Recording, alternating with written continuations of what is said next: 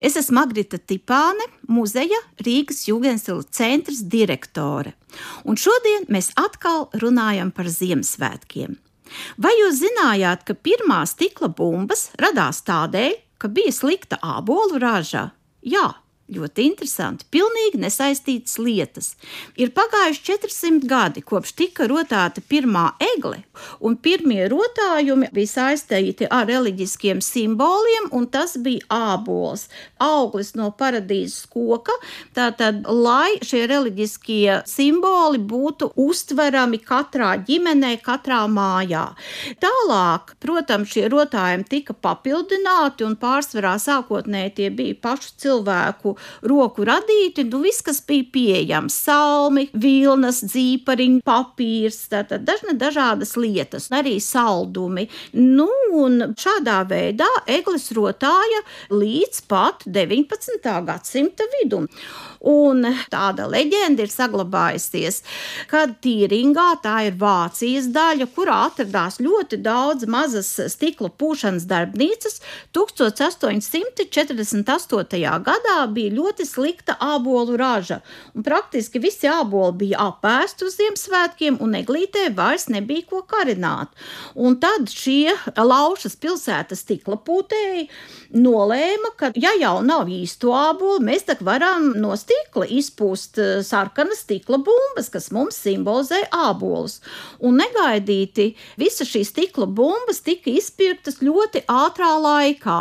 Un no šī laika stikla rotājums kļuva par vienu no raksturīgākajiem rotājumiem arī eglei.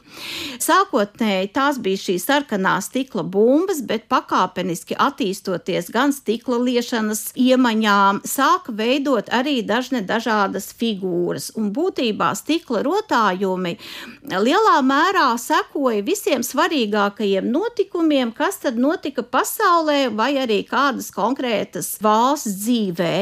Un, nu, jāsaka tā, ka ir vesela stikla rotājumu mode bijusi, un cilvēki, kas šos rotājumus krāja, tad arī veido veselas kolekcijas, kur tās aktualitātes tiek attēlotas. Pakāpeniski tātad āboli tika papildināti ar dažādiem augļiem. E, tad jau sāka veidot nu, tādu eksotisku augļu rotājumus, gan zemenes, gan avenes, kas nebija vairs tajā laikā pieejamas.